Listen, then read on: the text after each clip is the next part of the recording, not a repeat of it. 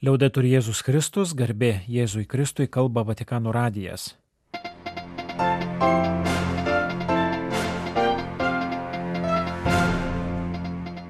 Malonus klausytojai šioje programoje. Popiežiaus audiencija jauniesiems gesmininkams atvykusiems ir iš Lietuvos. Laiškas garsaus Brazilijos futbolininko mirties metinių minėjimo dalyviams.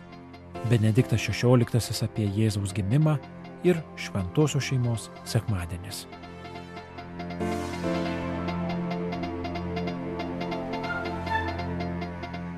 Gruodžio 30-ąją Vatikane įvyko popiežiaus Pranciškaus ir iš įvairių kraštų atvykusių jaunųjų gesmininkų priklausančių tarptautiniai Paeri Kantorės federacijai susitikimas.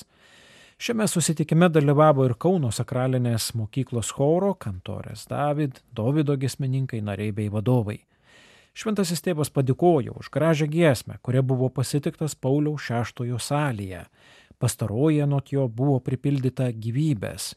Giesmininkai, anot popiežiaus, padeda bendruomenėms melstis bei atverti širdį viešpačiai ir jis labai dėkoja už tokią svarbę tarnystę bažnyčios gyvenimui. Pranciškus pasidalijo mintimis apie tris savokas giesmininkų tarnystėje - džiaugsmą, maldą bei nuolankumą. Il canto è gioia, Gėdojimas teikia džiaugsmą, ypač kai gėdama chore. O gėdojimo džiaugsmas yra dovana, kurią gavote iš tų, kurie sukūrė muziką, kurią atliekate, iš tų, kurie jūs jos moko ir iš tų, kurie jums ją perdavė, kartais net per šimtmečius. Ar netokia yra giesmių tradicija? Ir tai labai gražu - priimti brangę dovaną ir patiems ją perduoti praturtintą savo džiaugsmu, kalbėjo popiežius Pranciškus. Tokių dovanų išlaisvinančių nuo nerimo ir nuobodulio, paliečiančių širdį, gražinančių gyvenimo skonį labai reikia, ypač jaunuoliams. Antrasis žodis - malda. Gesmininko tarnystė skirta ne paprastai pramogai, bet maldai. Ir todėl svarbu, kad kiekvienas gesmininkas pats būtų arti Jėzaus per kasdienę maldą. Jei jūsų širdis kupina meilės Jėzui, tai girdisi ir balsuose ir yra tarsi strėlė, kuri pataiko į taikinį ir pasiekia žmonių širdis, palygino popiežius. Gėdojimas anot jo iš tiesų yra meilės veiksmas. Gėdant, kaip sakė šventasis Augustinas, melžiamasi dvigubai - žodžiais ir gesme, širdimi ir balsu pamaldumu ir menu. Infine. Galiausiai nuolankumas. Gėdojimas yra nuolankumo mokykla, nes gesmininkas visada, taip pat ir tada, kai atlieka solinę dalį, yra už jį didesnės tikrovės choro, kuriame visi tarnauja visiems dalis. Gėdojimas turi būti nuolankus taip pat ir todėl, kad tarnaudamas Dievui tinkamu momentu pasitrauktų ir paliktų vietos tylai, kurioje kiekvienas gali įsiklausyti į sakomus viešpatie žodžius. Tad geras gesmininkas nesistengia atsistoti centre, pasirodyti ar nustelbti kitus, nes tokiu būdu sugadintų visų bendrą darbą. Priešingai iš nuolankumo gimstančioje vienybėje išreiškiama tikra draugystė su Dievu ir kitais. Tai svarbi žinia, nes gražiam gėdojimui kartu reikia pastangų, kaip ir geram gyvenimui kartu. Rio de Žaneire penktadienį gruodžio 29 dieną buvo aukojamos mišios už prieš metus mirusį garsųjį futbolininką Edisoną Arantesą Donasimento, visame pasaulyje žinoma Pelė vardu. Šią progą popiežius Pranciškus pasiuntė laišką vietos arkivyskupui, kardinolui Oranijai Joao Tempestai. Popiežius primena, kad Šventasis Paulius savo pirmajame laiške korintiečiams pateikia paralelę tarp sportininko pastangų stadione ir krikščioniškojo gyvenimo. Iš tiesų, daug savybių reikalingų sportuojant, tokių kaip ištvermė, pastovumas ir santūrumas, laikomos krikščioniškomis darybėmis. Be to, sportas suteikia galimybę stiprinti draugystės ir brolybės ryšius. Pelė nebejotinai buvo sportininkas, kurio gyvenime pasireiškė šios savybės. Jo atminimas išlieka neišdildomas ir skatina naujas kartas žvelgti į sportą kaip į priemonę stiprinančią visų vienybės ryšius. Taigi ir aš, rašo Pranciškus, prisidedu prie jo atminimo pagerbimo, siūsdamas dalyviams savo apaštališkai palaiminimą ir prašydamas visų melstis už mane. Paskutinę praėjusių metų dieną, 2022 gruodžio 31-ąją, mirė popiežius Benediktas XVI. 2013-aisiais atsisakęs Petro tarnystės ir kaip popiežius emeritas tyliai ir santūriai gyvenęs Vatikano Mater Ecclesia vienuolyne. Prieš pasitraukimą iš popiežiaus pareigų jis užbaigė rašyti ir publikavo savo tritomį veikalą Jėzus iš Nazareto. Trečiasis tomas Jėzaus vaikystė knygynuose pasirodė kaip tik prieš pat paskutinės Benedikto XVI pontifikato kalėdas. 2012 m. spalio mėnesį vykusioje Frankfurto tarptautinėje knygų mugėje pirmą kartą buvo pristatyta Jozefo Ratzingerio Benedikto XVI knyga apie Jėzaus kūdikystę ir vaikystę. Oficialus pristatymas Vatikane buvo surinktas tų metų lapkričio 20 dieną, o prieš kalėdas knyga jau buvo kelių šalių knygynų lentynose. Pagaliau galiu į skaitytojų rankas atiduoti seniai žadėtą knygelę apie Jėzaus vaikystės istorijas, rašė autorius knygos įžangoje, paaiškindamas, kad jo intencija buvo ne tiek parašyti trečiąjį veikalo Jėzus iš Nazareto tomą, kiek pridėti nedidelį įvadą, kuris papildytų anksčiau paskelbtus du knygos apie Jėzaus gyvenimą ir jo žinę tomus. Trečioje dalyje, komentuodamas praeities amžių ir šio laikinių egzegetų studijas, jis pateikė interpretaciją to, ką evangelistai Matas ir Lukas savo evangelijų pradžioje pasakoja apie Jėzaus gimimą ir vaikystę. Pasak Benedikto XVI, biblinio teksto egzegezijai reikia dviejų dalykų. Viena vertus, būtina klausti, ką autoriai norėjo pasakyti savo tekstais tuo konkrečiu istoriniu momentu, kai tekstai buvo rašomi. Tačiau nepakanka palikti tekstą praeitįje, laikant jį kažkuo, kas priklauso praeičiai. Egzegetas turi taip pat klausti, ar tai, kas parašyta, yra tiesa, ar tai susiję su manimi, o jei tai susiję su manimi, tai kokiu būdu. Susidūrus su bibliniu tekstu, kurio galutinis ir giliausias autorius pasak mūsų tikėjimo, yra pats Dievas, neišvengiamai turi būti keliamas praeities ir dabarties santykio klausimas. Tai nesumenkina istorinių tyrimų rimtumo, bet jį sustiprina. Būtent šią prasme siekiau užmėgsti dialogą su tekstais. Suprantu, kad šis pokalbis, susijęjantis praeitį, dabartį ir ateitį, niekada nebus baigtas ir kad bet kokia interpretacija toli atsilieka nuo biblinio teksto didybės, rašė Benediktas XVI knygos apie kūdikį ir vaiką Jėzų įvadę, reikšdamas viltį, kad jo knyga padės skaitytojams kelionėje pas Jėzų ir su Jėzumi. Kelios popiežiaus Benedikto XVI knygos apie Jėzaus kūdikystę ir vaikystę ištraukos. Jėzus gimė epochoje, kurią galima tiksliai apibrėžti.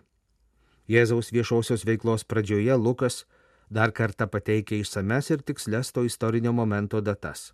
Tai buvo 15 imperatoriaus Tiberijaus valdymo metai. Jis taip pat pamini Romos valdytojo ir tuometinių Galilėjos, Iturėjos, Trachonitidės ir Abilėnės tetrarchų bei Izraelio vyriausiųjų kunigų vardus. Jėzus gimė ir pasirodė viešojoje scenoje ne labai seniai neapibrieštų mitiniu momentu. Jis priklauso epochai su tiksliomis datomis ir tiksliai nurodytai geografiniai vietai.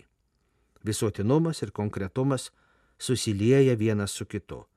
Amžinasis logosas tapo žmogumi ir šis įvykis turi savąjį vietos ir laiko kontekstą. Tikėjimas yra susijęs su šia konkrečia tikrove.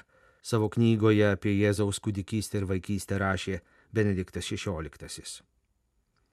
Ikonografinė tradicija pagrįsta bažnyčios tėvų raštais teologiškai aiškina ėdžių ir vystiklų simbolius. Kūdikis suviniotas į vystiklus pasirodo kaip ankstyva jo mirties valandos pranašystė. Nuo pat pradžių jis yra paukotas, o ėdžios, kuriuose jis buvo paguldytas po gimimo, buvo aiškinamos kaip savotiškas altorius.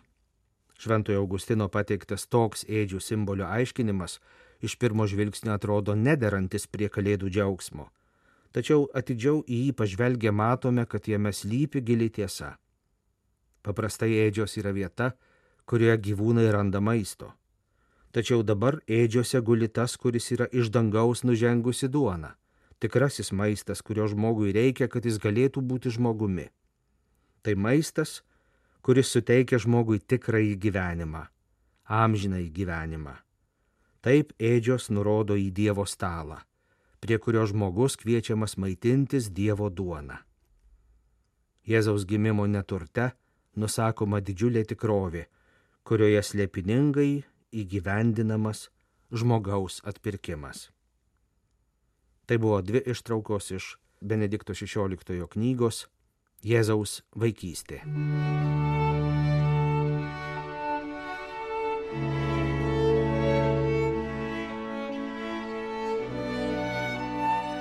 Šventojios šeimos sekmadienis iš Evangelijos pagal Luką. Pasibaigus Mozės įstatymo nustatytoms apsivalymo dienoms, Juozapas ir Marija nunešė Jėzų į Jeruzalę paukoti viešpačiui, kaip parašyta viešpaties įstatyme. Kiekvienas pirmgimis berniukas bus pašvestas viešpačiui. Ir duoti auką, kaip pasakyta viešpaties įstatyme - porą purplelių arba du balandžiukus Jeruzalėje gyveno žmogus vardu Simeonas. Jis buvo teisus ir dievo baimingas vyras, laukiantis Izraelio paguodos, ir šventoji dvasia buvo su juo. Jam buvo šventosios dvasios apreikšta, kad jis nemirsęs, kol pamatysęs viešpaties mesiją.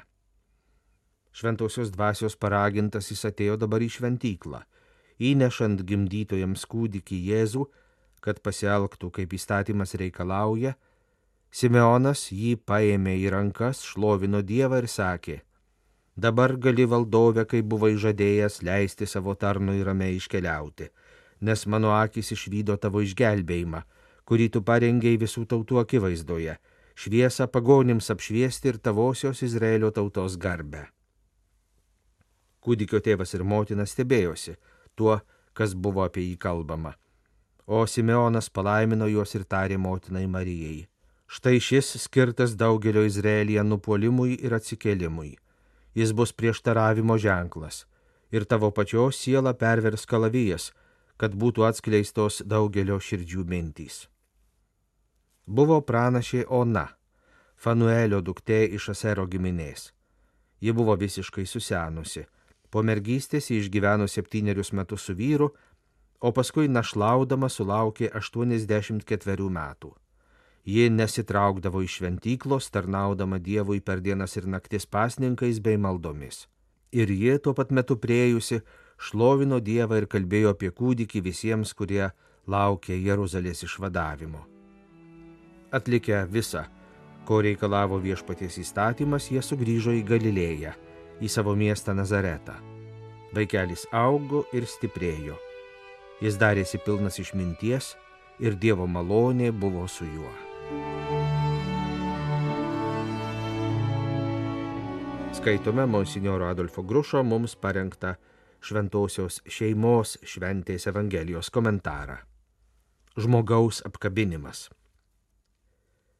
Marija su Juozapu atnešė kūdikį į Jeruzalę paukoti viešpačiui. Kūdikis yra duotas tėvams, tačiau šie to jau jį paukoja kitai svajoniai, kitam prieš jį atsiveriančiam keliui. Taip yra su visais vaikais.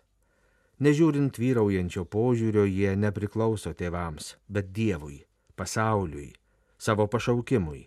Anot poeto, jie gyvena ateities namuose, kurių mes negalėsime aplankyti net sapne. Marija su Juozapu ateina į viešpaties šventyklą, tačiau darant jos lenkščio Jėzų paima kitos rankos tai ne kunigų ar levitų, bet dviejų senų žmonių, neužimančių jokios padėties šventykloje rankos. Juos jungia vienas dalykas - tai du įsimylėję Dievą žmonės. Senatvė pritemdė jų akis, tačiau juose tebedega troškimas matyti Dievo darbus. Simeono ir Onos asmenyse pasaulio senatvė apkabina amžiną Dievo jaunystę Tai kartu ir liudėjimas apie Dievo vietą pasaulyje. Tikroji alternatyva kiekvienam tikinčiajam yra ne pasirinkimas tarp konservatorių ir progresyviųjų, bet tarp mylinčių ir pripratusių, tarp einančių pirmin ir prisitaikiusių. Jėzus nepriklauso šventyklai, bet žmogui, kiekvienam trokštančiam susitikimo su juo. Jis yra tų, kurie kaip ona sugeba matyti daugiau, tų, kurie nesiliauja ilgėjas ir laukia, kaip Simeonas, tų, kurie jaučia ir suvokia Dievą kaip savo ateitį. Simeonas paima ant rankų kūdikį Jėzų ir šlovina Dievą. Iš tiesų jis atlieka kunigišką veiksmą. Tai tikra liturgija įmanoma visiems, išskirtinė pareiga, kurią prisimename, kalbėdami apie bendrąją visos Dievo tautos kunigystę. Senas vyras, tapęs vilties ženklu, ir sena moteris įkvėpta šventosios dvasios, šlovina Dievą. Palaiminimas nėra elito pareiga, bet džiaugsmo perteklius, kurį kiekvienas gali paukoti Dievui, būdamas ir ne šventykloje, o savo namuose. Dievas įsikūnija savo kūriniuose, tuose, kurių gyvenimas artėja prie pabaigos ir tuose, kurie tik skleidžiasi pavasario žiedais. Taip pat ir Marija su Juozapu yra palaiminti, nes jie elgesi pagal taisyklės, tačiau tuo pat metu sugeba priimti nenumatytus, atliktus ne pagal nustatytas apeigas ir stulbinančius dviejų pranašų palaiminimus. Paskui Simeonas ištarė tris žodžius apie Jėzų. Jis yra nupolimas, atsikėlimas ir prieštaravimo ženklas. Trys žodžiai įkvepiantys ir skatinantys judėjimą pirmino drauge, leidžiantys matyti, kad viskas, kas vyksta, yra duota iš aukščiau. Jėzus kaip nupolimas. Čia tenka kalbėti apie mūsų mažų ir didelių stabų nuopolius, mūsų kaukėmis ir melagystėmis pasižyminčio pasaulio suardymą, nepilnavertiško ir ligoto dvasios gyvenimo sunaikinimą. Jėzus atėjo sunaikinti viso to, kas naikina žmogų, atėjo nešti kalavijo ir ugnies, kad nukirstų ir išdegintų viską, kas priešinasi žmogiškumui. Jis yra čia atsikėlimui, tai jėga pakelianti mus tada, kai manome, kad viskas mums jau yra baigta. Ši galybė leidžia pradėti iš naujo net ir tada, kai viduje jaučiame tuštumą, o akis užgula tamsa ir sakome, jog jau nebematome ateities. Gyventi tai rodyti begalinę kantrybę, vis pradedant iš naujo. Kristus yra prieštaravimo ženklas, nes jis prieštarauja mūsų vidutiniškumui, visoms neteisingoms mintims apie Dievą. Visa tai vyksta šeimoje, todėl šeima ir yra didinga. Ji privalo tikėti savo likimu ir šventumu, kuriam vietos yra kiekvienuose namuose ir iš kurių jis klinda pasaulyje. Šventoji šeima.